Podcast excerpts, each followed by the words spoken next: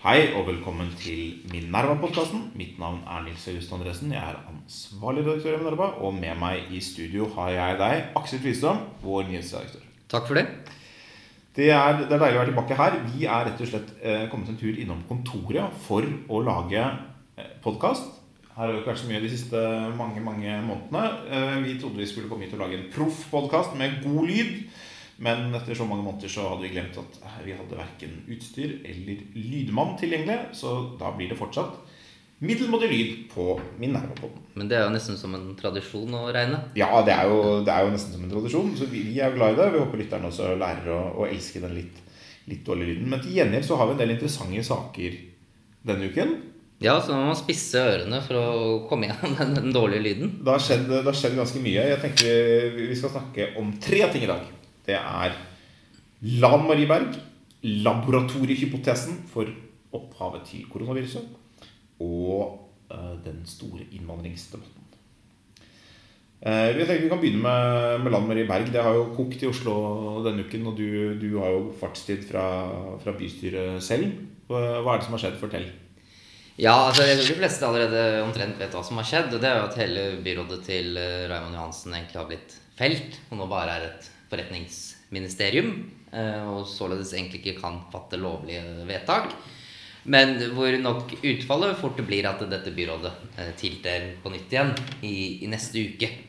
Og så rakk, og så rakk de å utsette skjenkingen til klokka tolv før det gikk av. Så det, viktigste er gjort. Det viktigste er gjort, og nå har det bare et par, par dager fri. Men eh, det er jo kanskje nettopp eh, det at et byråd blir felt og så går på igjen eh, bare etter et par dager, som er jo det mest sannsynlige utfallet her. Altså Jeg kan ikke utelukke at det blir et annet men dette er det klart mest sannsynlige utfallet.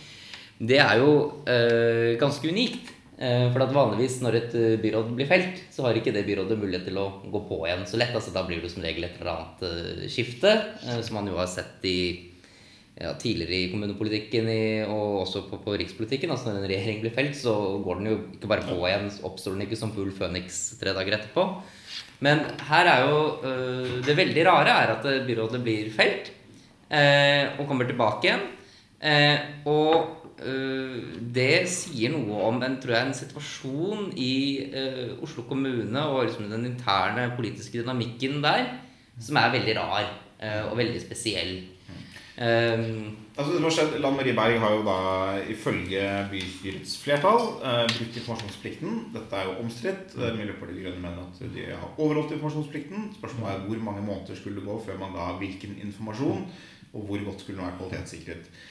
Utenfra sett så er det, kan det være Man kan ha ulike syn på det, men det er åpenbart at eh, det berører spørsmålet om informasjonsplikten. Eh, Det er mulig å ha flere syn. Man kunne tenke seg en politisk kontekst der der det ikke var blitt mistillit. Og man kunne tenkt seg en politisk kontekst der Lan Marie Berg eh, i møte med, det, med bystyrets syn hadde valgt å trekke seg før dette ble stilt på spissen. ja. Eh, det er jo fordi det, det ikke skjedde at Raymond Hansen da gjorde det som i og for seg er relativt vanlig med mistillitsforslag, nemlig at byrådet stilte seg solidarisk med, med Lan Marie Berg. Det som jeg tenker litt, og du hører hva du tenker om det, Aksel, altså, det er jo det at eh, en, det, vanlige er som du sier ved mistillit, at får, det kommer et eller annet skifte. Enten et skifte i, i koalisjon, eller at rett og slett opposisjonen på en eller annen måte tar over. Om ikke annet for en kort periode. Sånn som det f.eks. skjedde etter, etter Kings Bay-ulykken. eh, Da, da Gerhardsen-regjeringen gikk av for eh, noen uker. Eh, Det skjer jo ikke her, fordi bystyrets flertall er det samme. Og jeg, jeg tenker jo litt sånn hadde, det vært eh, baller i enten opposisjonen eller i Raymond Johansen, eh, så, så ville man eh, altså Hadde vært baller i Raymond Johansen, så ville han jo gjenoppnevnt eh, Lan Marie Berg. Og så måtte bystyret på en måte finne ut da Mener de dette med mistillit, eller mener de det ikke. Eh, Og motsatt så kunne jo opposisjonen sagt eh, dere har brutt vår tillit, og vi, vi danner et alternativt byråd. Og så vil det sitte selvfølgelig inntil Rødt ikke lenger kan støtte det, og så vil det, vil det måtte gå av igjen. Eh, Men her er det jo ingen som har ønsket seg et skifte, men man har ønsket en veldig tydelig markering. Eh, man- Mot Lan Marie Berg. mot Lan Marie Berg. Eh, og, og MDG har da på en måte valgt å ta imot den utfordringen. eh, og, og si Vi tar imot denne markeringen og på en måte motmarkerer. Hvorfor, hvorfor, har, hvorfor har de valgt å på en måte sette det så på spissen fra MDGs del? Er det, det er jo ikke noe gøy å bli felt i utgangspunktet? Altså, jeg tror det er øh, en, en, ting her som handler liksom om, litt om det formelle. Øh, og det er jo ikke sant, altså Er informasjonsplikten brukt, og så er det helt, helt ulike syn på det. Uh, og jeg tror liksom i, Når man diskuterer det, så tror jeg det er viktig å ha med seg en, en form for kontekst om at formalisme det er egentlig politikkens siste holdeplass. Altså i det Politikerne her begynner å bli veldig opptatt av når er et brev sendt, og dette burde Jeg ser det her er sendt i mars, og det burde kanskje heller vært sendt i februar, eller noe sånt. Da er du jo på et punkt der hvor tilliten din er veldig, veldig, veldig veldig tynnslitt. Men så kan jo liksom de formelle argumentene De kan jo være ganske mulig å disputere og omstridt og den type ting. Men, eh, og kanskje til og med MDG har noen poenger, liksom. At de kanskje har, har i hvert fall ikke vært noe dårligere med informasjon enn en tilsvarende andre prosjekter hvor byrådet har blitt sittende og sånn. Men hele denne prosessen hvor du ender opp med en sånn veldig formalistisk eh, diskusjon, mm. der er egentlig tilliten din liksom allerede utdømt. da, Og jeg tror at der hvor eh, bystyrepolitikerne kommer ifra, de kommer ifra eh, De har endt opp i denne formalistiske diskusjonen fordi de allerede har tynnslitt tillit av veldig mange andre grunner. Mm. Mens eh, La Marie liksom ikke helt aksepterer det og er mer da inne på å liksom, dis diskutere dette formalistiske sporet. Og der vil hun da slå veldig hardt tilbake og heller velge å, å, gjøre en markering. Da, ved å gjøre dette liksom mest mulig dramatisk og eh, vanskeligst mulig for Rødt. fordi at Rødt liksom da tvinges til å felle et helt eh, byråd etc. Og jeg tror at eh, den ene grunnen til at MDG gjør det, er jo at de kanskje er litt uh, selvrettferdige, og at de ikke helt skjønner hvorfor situasjonen er sånn som den er. Og det andre er jo at jeg tror at Og det er jo du også opptatt av, men at MDG er et parti som, som jeg tror ofte ser seg tjent med konflikt. da. Altså De har hatt mye suksess med å liksom lage maksimal eh, konflikt i saker. Og det er da også den oppskriften de, de følger egentlig her. da. Vi har, vi har, snakket litt om dette før, Aksel. Og jeg så at uh, Tone Sofie Aglen skrev om det i VG også. Men Lan Marie Berg er jo på en måte MDGs svar på Sylvi Listhaug. Sånn at hun er en politiker som er eh, blitt et symbol for, for, både sine tilhengere og sine motstandere. Så de som, måtte, de som liker MDG, eh, de ser henne som en som, eh, som gjennomfører deres politikk og står opp mot dem de ikke liker. Eh, som er eh, bilister og, og kanskje rasister og kvinnefiendtlige holdninger. Og sånn, men, men i, i eh, Oslo-politikken så er det jo spesielt knyttet til konflikten rundt bil, som har vært veldig veldig tydelig aspekt ved Oslo-politikken de, de, siste årene. Mens for motstanderne så er hun på en måte akkurat det som Sylvi Listhaug er for, for uh, hennes motstandere. Hun er en som på en måte ikke bare gjennomfører politikk som de opplever rammer dem i hverdagen, altså det er å fjerne parkeringsplasser eller uh, bomring eller den type ting, men hun gjør det med, uh, med et smil og med glede.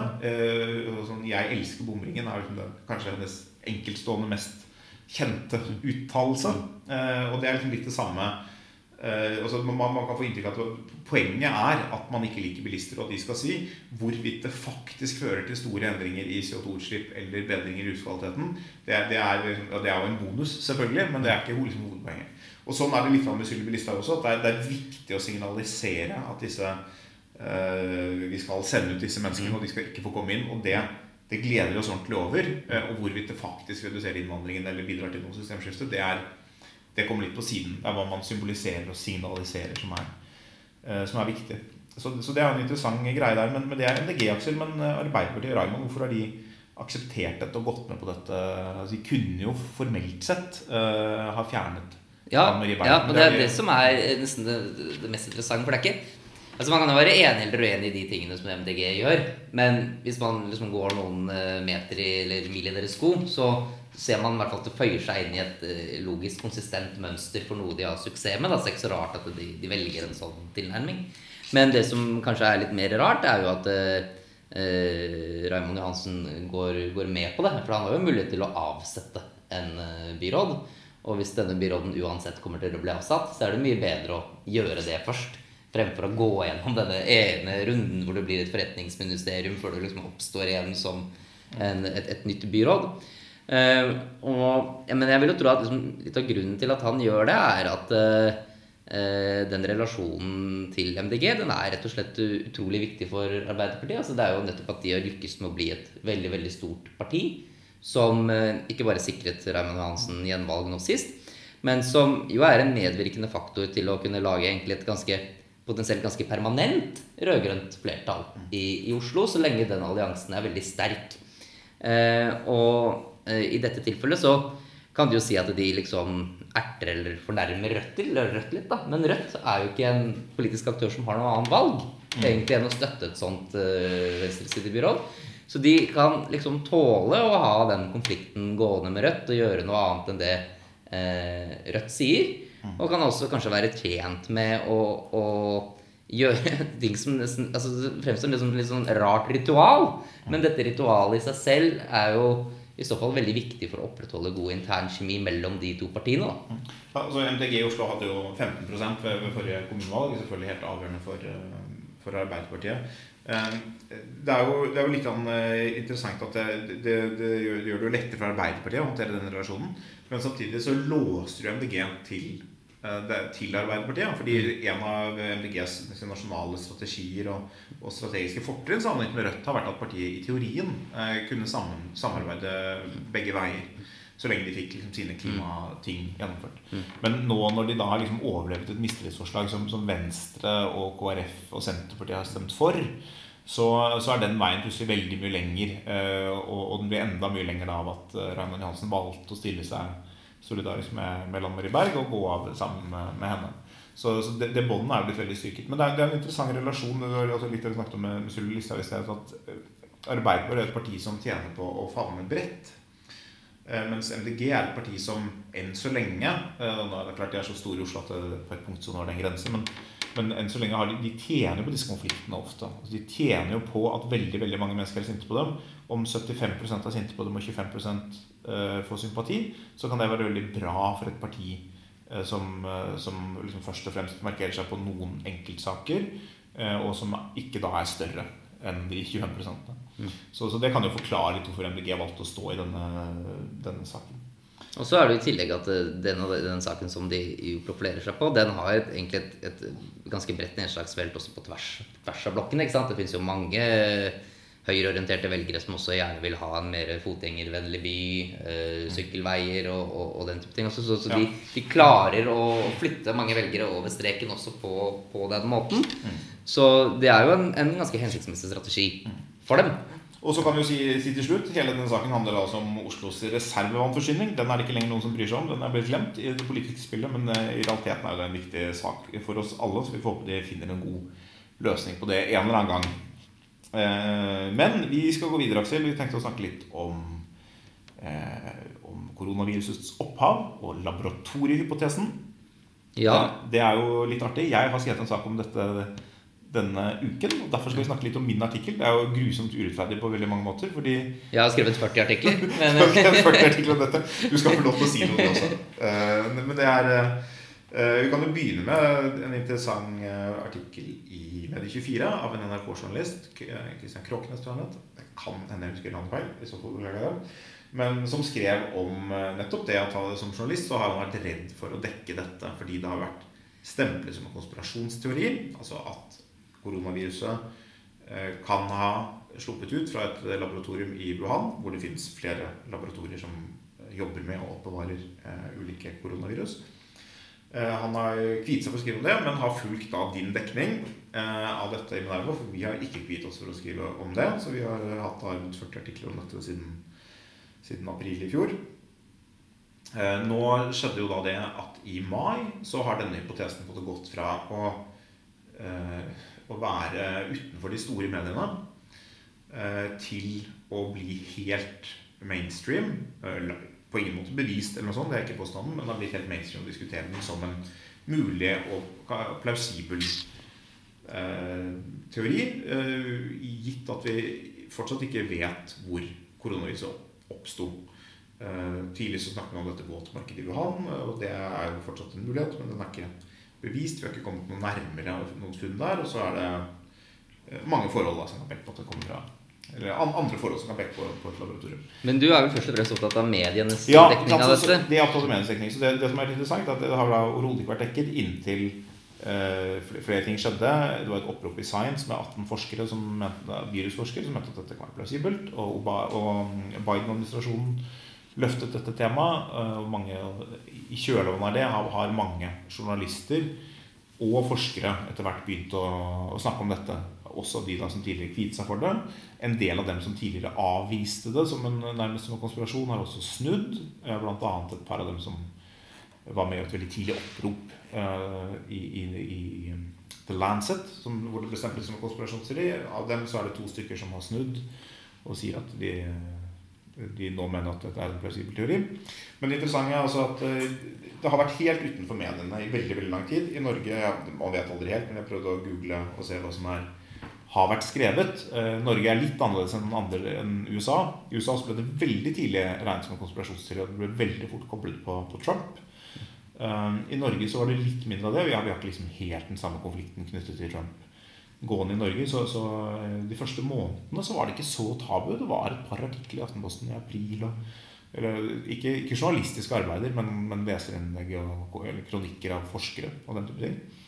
Men så hadde vi jo denne Birger Sørensen-saken i juni. Eh, den norske vaksineforskeren som eh, sammen med en engelsk professor publiserte noe eller hadde en artikkel hvor han mente at det kunne være laboratorieopphav. Den ble skutt litt ned, og jeg skal ikke, skal ikke diskutere kvaliteten på den her i dag. Men, men i kjølvannet av det så ble det veldig stemplet som en konspirasjonsteori også her. NRK, som først hadde intervjuet med ham, fikk veldig mye kritikk. Eh, de la seg på måte flate for at de hadde vært så freidige å, å intervjue denne forskeren. Eh, Faktisk.no hadde sin vane tro flere saker om dette. Eller to saker. Én på norsk, én på engelsk, så ikke utlendinger skulle, skulle tro at uh, For å være sikker på at ingen skulle tro på dette. Og etter så ble det helt tyst. Etter det så finner man absolutt ingenting om laboratorieteorien. Jeg, jeg har ikke klart å finne den på de søkeordene jeg har sett på. Mellom da juni i fjor og mai i år.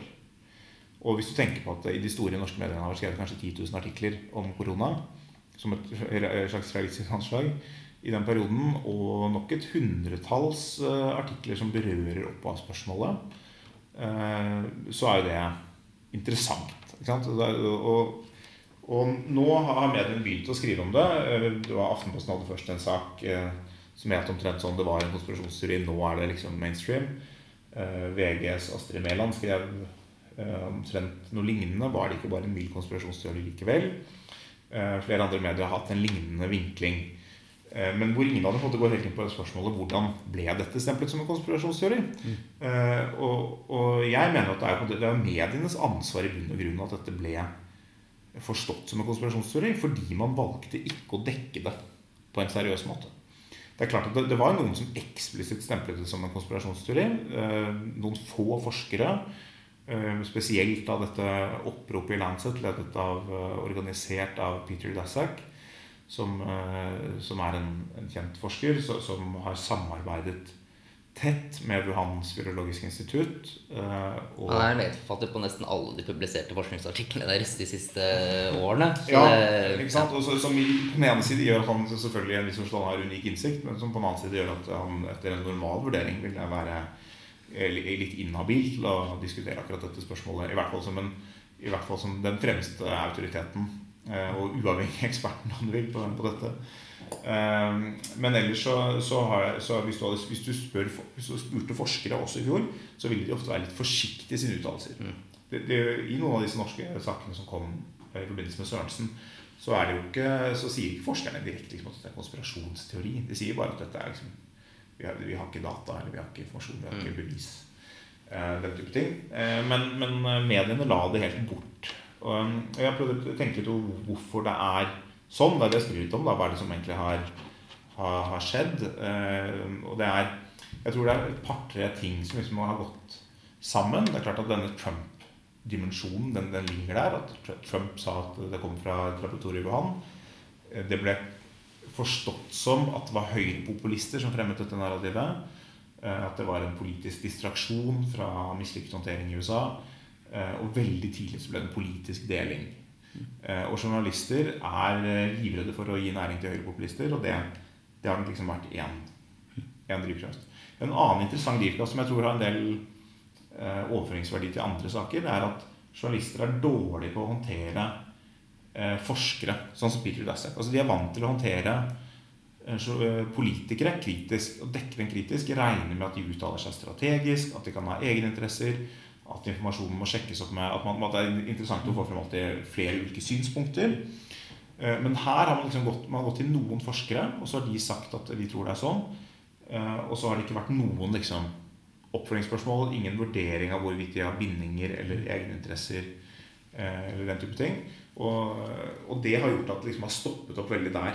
Noen forskere var veldig tidlig ute med å ta en posisjon.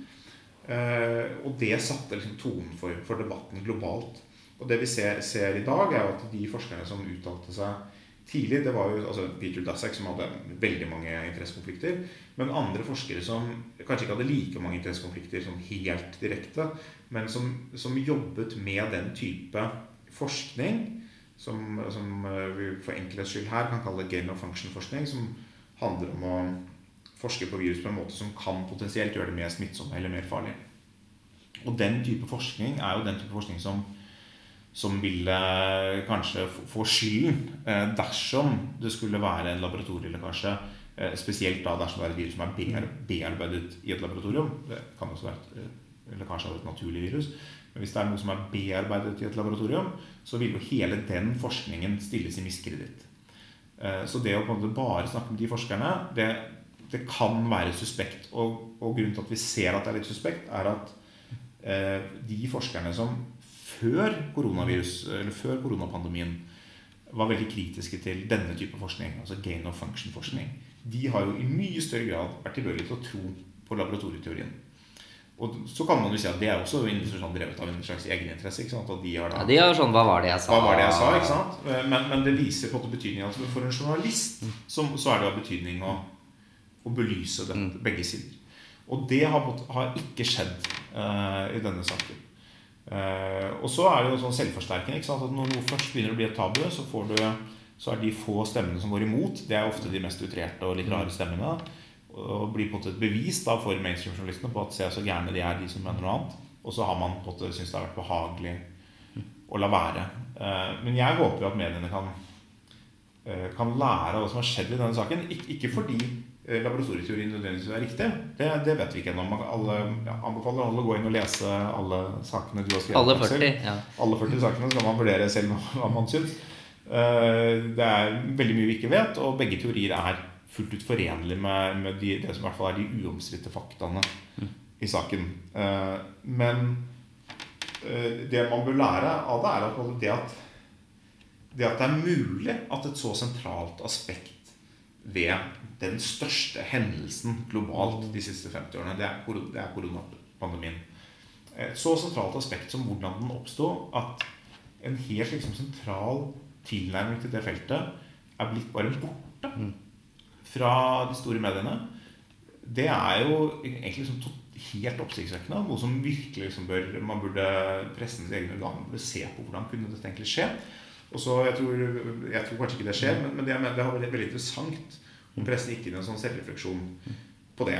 Um, og Det som har skjedd i Norge, er at altså, vi har jo dekket dette her. Og så har Resett og Document har dekket det lite grann. Og så kan lyttere som, som har sine syn på, på disse mediene, sikkert liksom man, man, Det er lett å tenke seg at ja, det er fordi de liker Trump. eller liksom, et eller annet sånt. Men realiteten er jo at de har da dekket dette mye mer åpent og fordomsfritt. Ja, det, jeg mener det er veldig stor forskjell på, på de to, faktisk. Eh, Det er lett å tenke at de, de er like på et vis, og de er like på, på en måte i medlemskapet. Men hvis du går gjennom det som Resett har gjort på dette, for dette det sjekket jeg på deres egen sider, og det var eh, egentlig ganske balansert. Ja. Altså, de har, ikke noe sånn at de Jeg tror ikke de har, de har ikke gjort så veldig mye egne undersøkelser og intervjuer og sånn, men de, de sakser litt saker fra ulike steder. Og har egentlig en, en veldig balansert miks. Så de har liksom noe sånn norsk NTB-stoff som sier at dette er umulig, liksom. Men så har de også funnet noe på noen mer sånn høyreorienterte amerikanske medier, hvor de ofte jo finner inspirasjon til stoff. Og så har de satt sammen dette i egentlig noe som er fortrinnsvis balansert. Altså mye mer balansert enn du finner andre steder.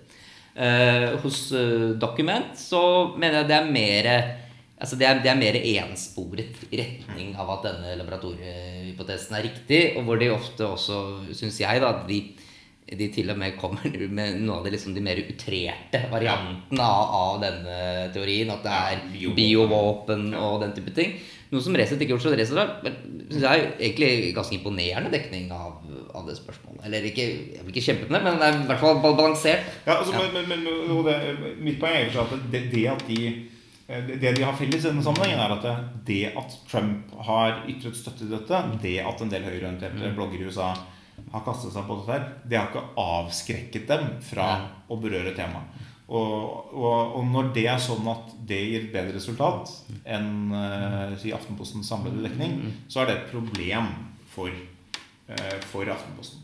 Og så er det klart at det, sant, i, i, I norske medier det er ikke så mange journalister som driver med dette. her, og Hvis du spør hver enkelt journalist, så vil mange av dem sikkert si at de har vi aldri avskrevet dette. Vi har bare liksom, vi har hatt annet å drive med. og Tilfeldigvis så ble det ikke sånn at vi skrev eh, masse om det, og det er komplisert å navigere i. og, og tross alt så virket det som de fleste forskere mente at det ikke var så sannsynlig.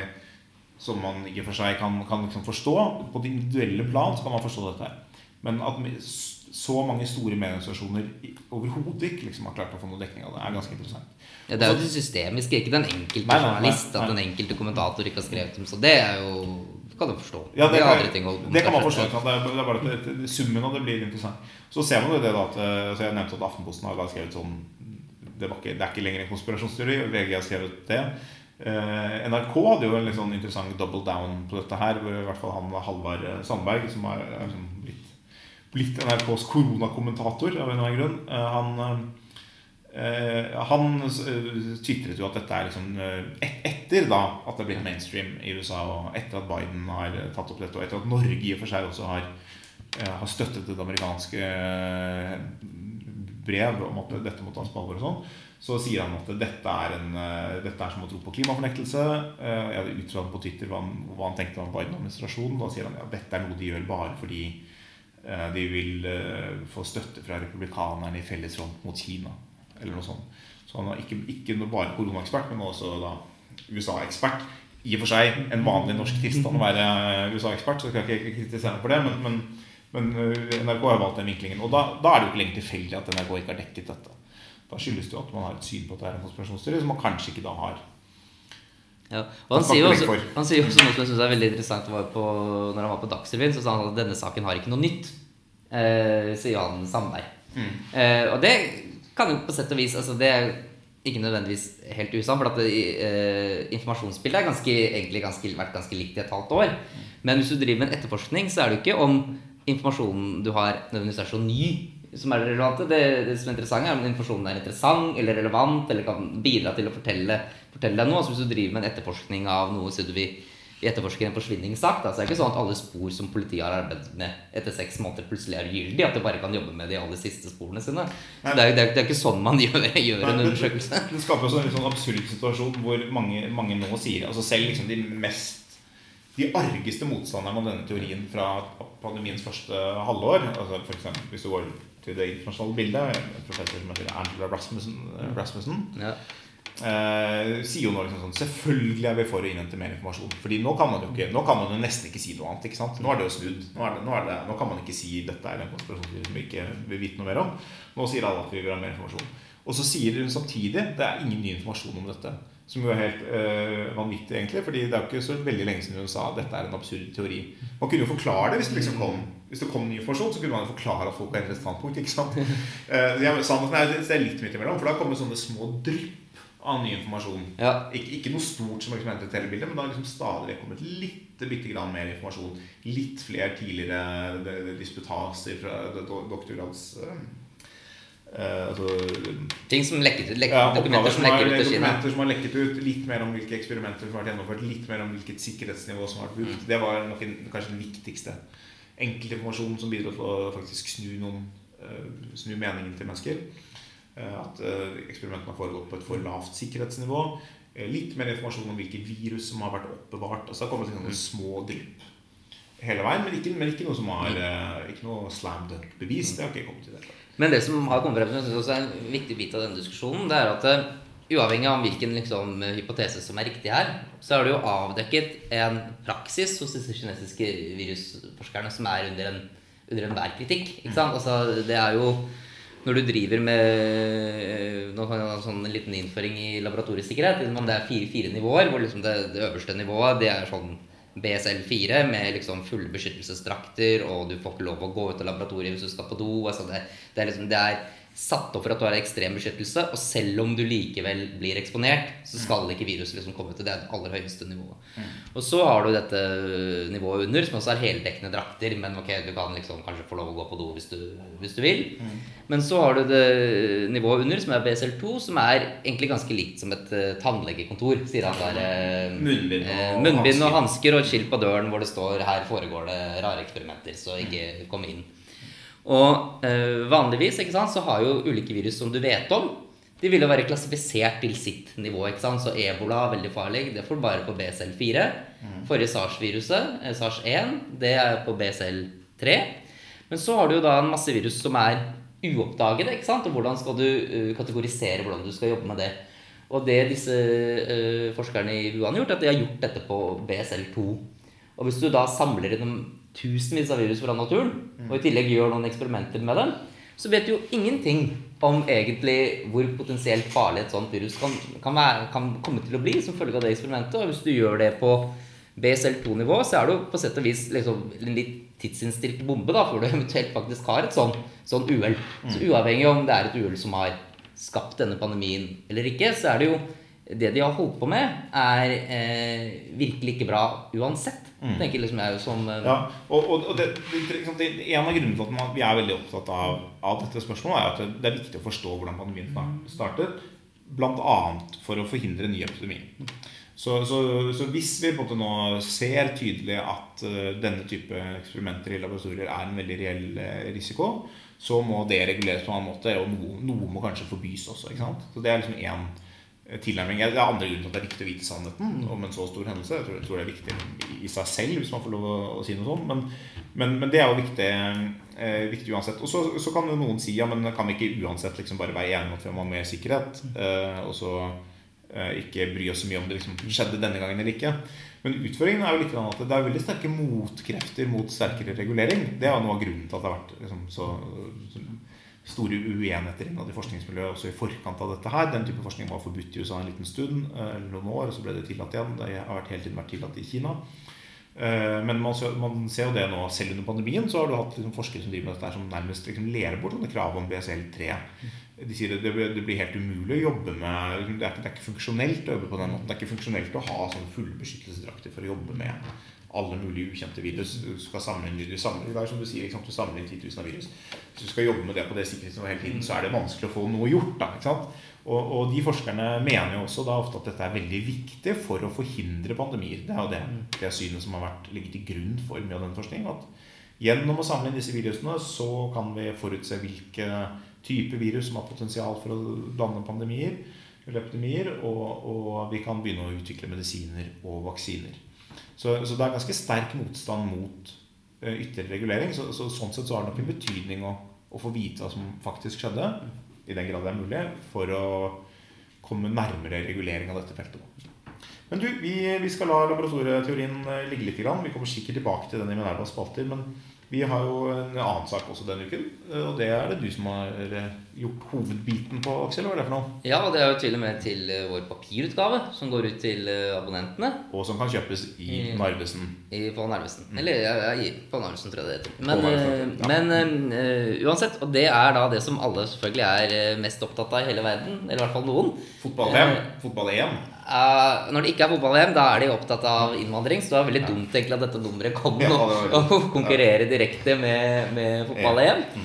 Men uh, ja, gjort er gjort, og nå er det det det handler om. Men det er jo, uh, og det vi skriver om denne gangen, det er jo egentlig litt meta, det vi holder på med. Men vi har litt om debatten, og da egentlig er jo det spørsmålet som vi stiller, er at det er egentlig veldig få som er synes at uh, dagens uh, system, og da særlig for asyl og flyktning, fungerer spesielt godt. Det er, altså, er asylpolitikken vi egentlig skriver om. Ja, asylpolitikken vi skriver om. Ja. Uh, og det er flere grunner til det. Det ene er jo selvfølgelig at det er et system som egentlig fratar nasjonale myndigheter kontroll.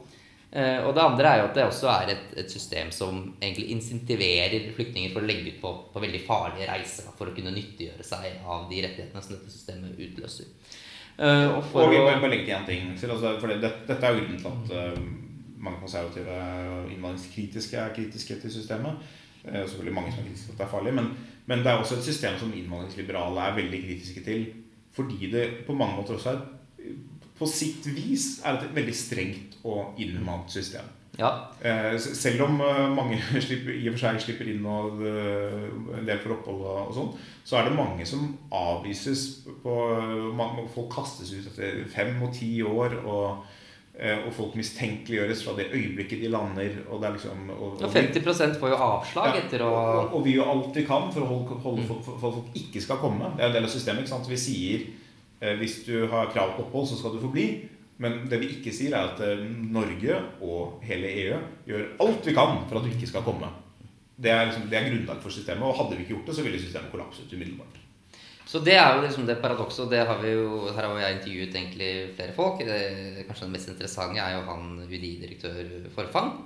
Ja, som, mm. som, snakker egentlig Folk forklarer nettopp dette paradokset. At det er Eh, det skal en del til for at man hadde designet Hvis man skulle laget dette systemet i dag, så hadde man ikke, hadde man ikke laget et system. Man har laget et system eh, som ga mening eh, for 20-30 år siden, hvor det var eh, mye mindre eh, Altså flyktningstrømmene var mye mindre. Eh, og hvor man kunne ha et sånt system, men hvor det er helt uegnet til å håndtere store migrasjonsstrømmer. Eh, og så har vi jo litt på, på ryggen av dette egentlig liksom forhørt oss litt rundt i de ulike partiene. Vi snakket jo med, med Espen Teigen. Det var jo nå før han gikk tilbake til Frp. Da var han jo eks-Frp, men journalist i Nettavisen med erfaring fra Justisdepartementet om hvorfor eh, Frp ikke klarte å egentlig gjøre noe mer med, med dette systemet. Eh, hvor han peker på, på, en del forhold som sier at det liksom er Det er, det er ingen som det er, det er litt sånn klassisk Frp-argumentasjon, egentlig. At de er litt sånn ideologisk stigmatiserte, og, og, ikke, og derfor er det liksom ingen som har lyst til å samarbeide med dem, og venstresiden er vanskelig, og, og, alt dette. Og i tillegg så er det liksom oppfinansiert et enormt liksom, NGO-apparat i Norge da, som protesterer mot Som jobber egentlig aktivt liksom, med, med å forhindre eh, strengere migrasjonspolitikk. Um, så han har liksom én forklaring. Også, men vi har jo da også snakket med uh, stemmer i Arbeiderpartiet, som egentlig syns det nesten er eh, kanskje det mest spennende i saken. Da han Masud Gharahkhani og Sulu Taraku Taraku er jo i, i Agenda, men har også vært fungert som rådgiver internt i Arbeiderpartiet eh, på dette spørsmålet. Eh, og hvordan også i og for seg Arbeiderpartiet har nå egentlig utviklet politikk for å gå i liksom en langt strengere retning. Ja, og Ikke bare strenge, men også i en, i en omlegging av systemet. En omlegging av systemet. For, fordi en, det en person som Sylo Darako vel vil si, er sånn at det man ønsker seg, er et system der vi har kontroll. Ikke, ikke liksom, kan, så, så, kan man, Neste skritt kan man være uenig om hvor mange skal man da ta imot. Så man har kontroll hvor mange som kommer. Med asyl så handler det ikke kontroll over hvor mange som kommer. Det kommer så mange som det kommer, og så må vi håndtere det liksom, som vi kan. Men det er å få en omlegging vekk fra asyl som hovedkilden til innvandring. Mm. Noen vil alltid søke asyl, men at det ikke er hovedkilden, og at man heller f.eks. har kvoteflyktninger eller noe, mm. noe sånt. Men hva, det, hva sier Arbeiderpartiet? Hvorfor, hvorfor, får vi det ikke til? Nei, altså de øh, har jo litt mye av de samme svarene som de, du intervjuer på høyresiden. At det er liksom de andre vil ikke samarbeide med, med oss og tar ikke våre forslag øh, ordentlig opp. Uh, så har, peker jo de litt på, på internutfordringer. Da. Så jeg syns han hadde et veldig morsomt eh, poeng, han Sulutoraka, at hvis, hvis, Erna Solberg kommer og foreslår ny innvandringspolitikk, så er det ikke noen medlemmer Høyre som vil ikke løftet et øyenbryn. Nesten uansett liksom hvilken retning det gikk. Mm. Men hvis du forsøker å gjøre det internt i Arbeiderpartiet, så øh, får du en del basketak internt. Altså, der blir det liksom satt opp øh, ordentlig motstand, som gjør det litt vanskeligere også for dem kanskje å, å fremdrive endringer. og hvor det nok er slik at den menige Arbeiderparti-medlem, da, de eh, er eh, betydelig mer eh, si, eh, på den innvandringsliberale siden, altså mot innstramning, enn Arbeiderpartiets kanskje egentlig velgergrunnlag og potensielle velgergrunnlag. Og også Arbeiderpartiets ledelse, som da skaper en, liksom sånn internkamp som liksom da går rundt, går rundt dette. Da. Men det, det, er en ting som jeg skal komme tilbake til, Aksel. fordi uh, fordi nettopp det burde det være mulig å komme rundt for de som du innledet med. Alle er egentlig misfornøyd med dagens system. Så det at man ikke klarer å komme opp med, et, med noe som alle egentlig kunne være enige om en forbedring, det er, det er en utfordring. Men før vi går dit uh, altså Da har vi jo Frp, det er greit, de er spedalske, derfor får ikke de gjennom noe. Arbeiderpartiet de får ikke gjennom noe fordi det er så kontrasjert internt. Men uh, som du selv sa, altså, hadde Erna foreslått noe, så ville så ville jo Høyre bare fulgt etter. Det er, det er sånn det er for tiden. Uh, hvorfor klarer ikke Høyre heller? Du har snakket med Høyre også. Hvorfor, hvorfor kan ikke Høyre gjøre noe med dette?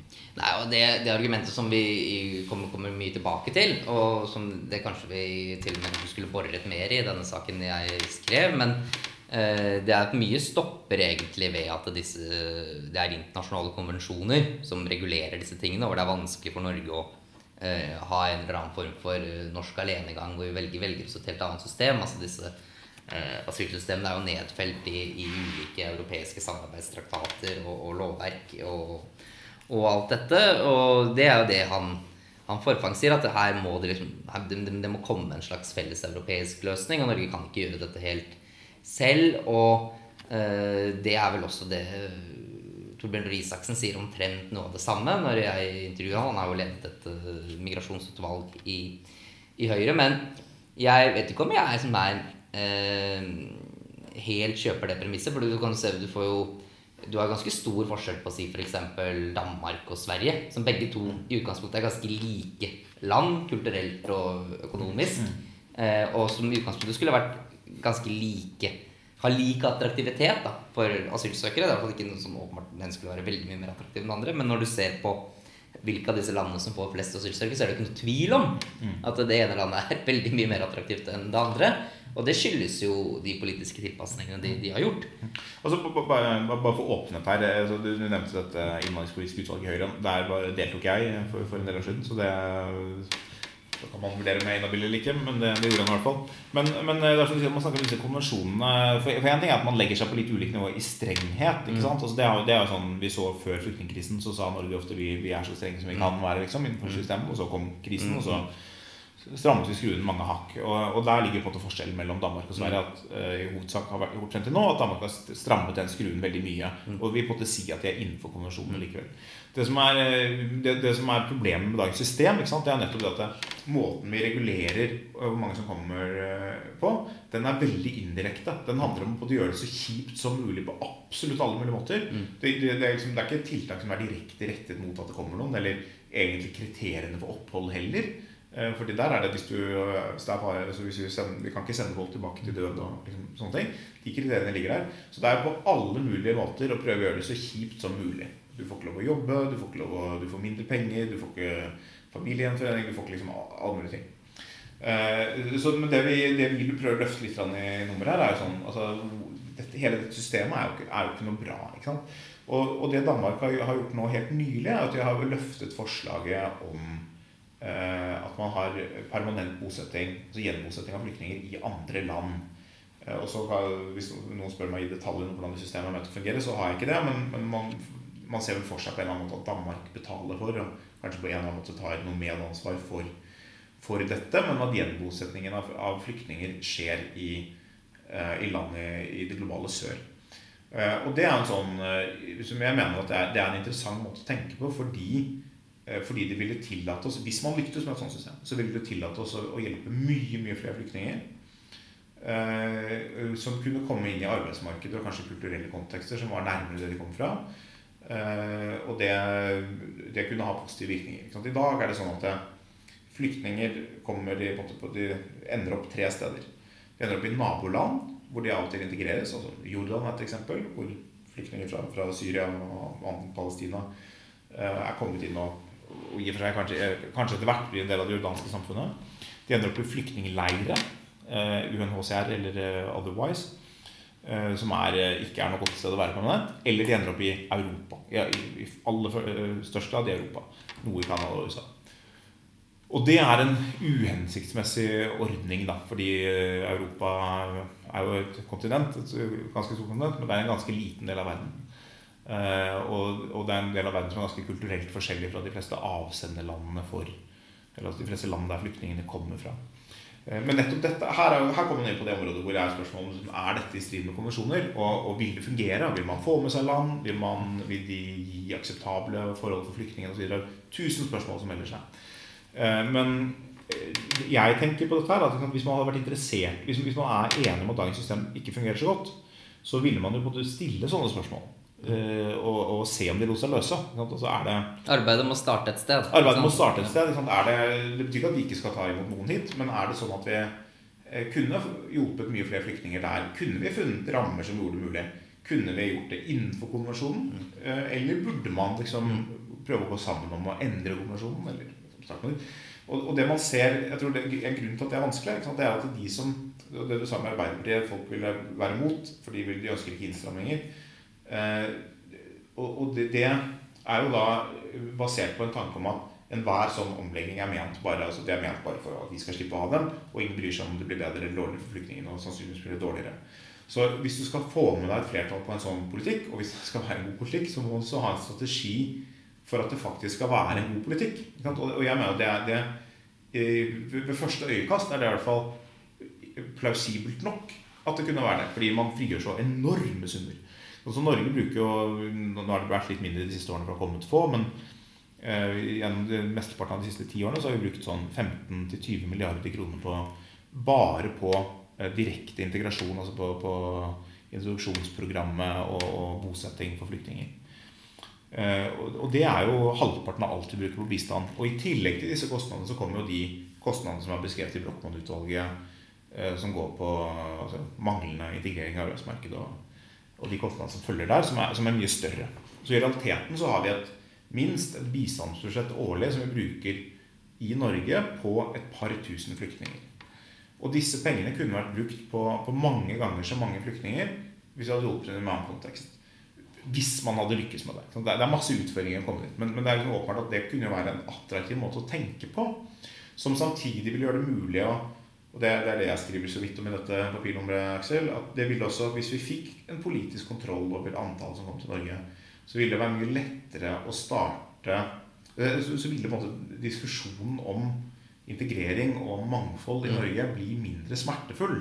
Ja, fordi de kan jo De kan jo bli integrert med en gang. Altså du Ja, altså man har, man har bedre tid til integreringen. Eh, så det, det er ikke sånn at debatten ville bli borte akkurat. Det tror jeg ikke noen skal frykte. Men, men det ville bli mindre stress rundt den debatten. Fordi eh, vi, vi skjønner at vi har bedre tid på å løse disse problemene.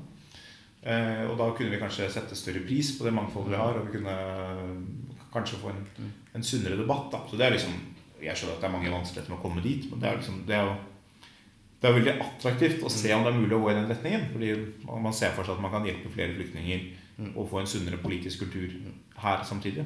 Og man ser jo også, øh, Hvis man ser på sånne integreringsindikatorer, da, så hva er det som fører til god tillegg? Det viktigste parameteret er jo tid. Ja. Eh, Så hvis du bare har mer tid, så vil du automatisk få til eh, bedre, bedre integrering. Eh, Så det er når du har dårlig tid, at du også får, får dårlig integrering. Ja. Men man man kan ha så dårlig tid at man ikke rekker å lese papirutgaven. Nå har vi vi mente ikke å gi bort alt innholdet her, så, så løp til Narvesen. Kjøp det på Narvesen, i Narvesen-butikken. Eh, eller tegn abonnement selvfølgelig på Minerva. Det skal man ikke forakte heller.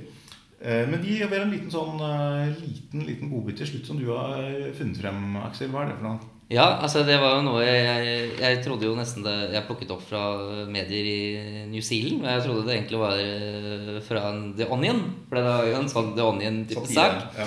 Men det er jo da snakk om eh, et lokallag i Greta Thunbergs sånn skolestreik for klimatet i Auckland i New Zealand som har besluttet å legge ned seg selv. Eh, fordi de har Fordi de har blitt kjøpt opp oljebransjen? Nei, Nei. Det, det var ikke det. Ikke Eh. De har eh, kommet frem til at de er rasister. Så de har skrevet et, eh, et langt brev på sin Facebook-side hvor de eh, erkjenner at denne gruppen den har vært et eh, hvitt dominert rom. Og at eh, de som jo rammes mest av klimaendringer, det er jo ikke eh, de hvite. Det er jo urfolk og svarte og minoriteter. Så fra nå av så må klimakampen kun føres videre av eh, ulike minoritetsgrupper, og disse må da legge ned seg selv, for de er ikke verdige avsendere av klimastreikbudskapet. Og har jo da i tillegg skrevet en sånn ja, nesten en sånn rituell beklagelse for at denne gruppen i det hele tatt har eksistert. Og sier ja, vi, vi skjønner at uh, vi, vi, kan, vi kan aldri gjøre godt igjen det arbeidet vi har gjort i skaden vi har forårsaket ved, ved å være en hvitt dominert klimastreikgruppe. Og, uh, og denne nedleggelsen det er bare starten på liksom den oppreisningen som nå kommer. Og ja, det, det er alltid sånn derre Sånn kry, krypete til korset-mal, da, som er ja, det har jo et, et religiøst preg ved seg å komme med denne type beklagelser.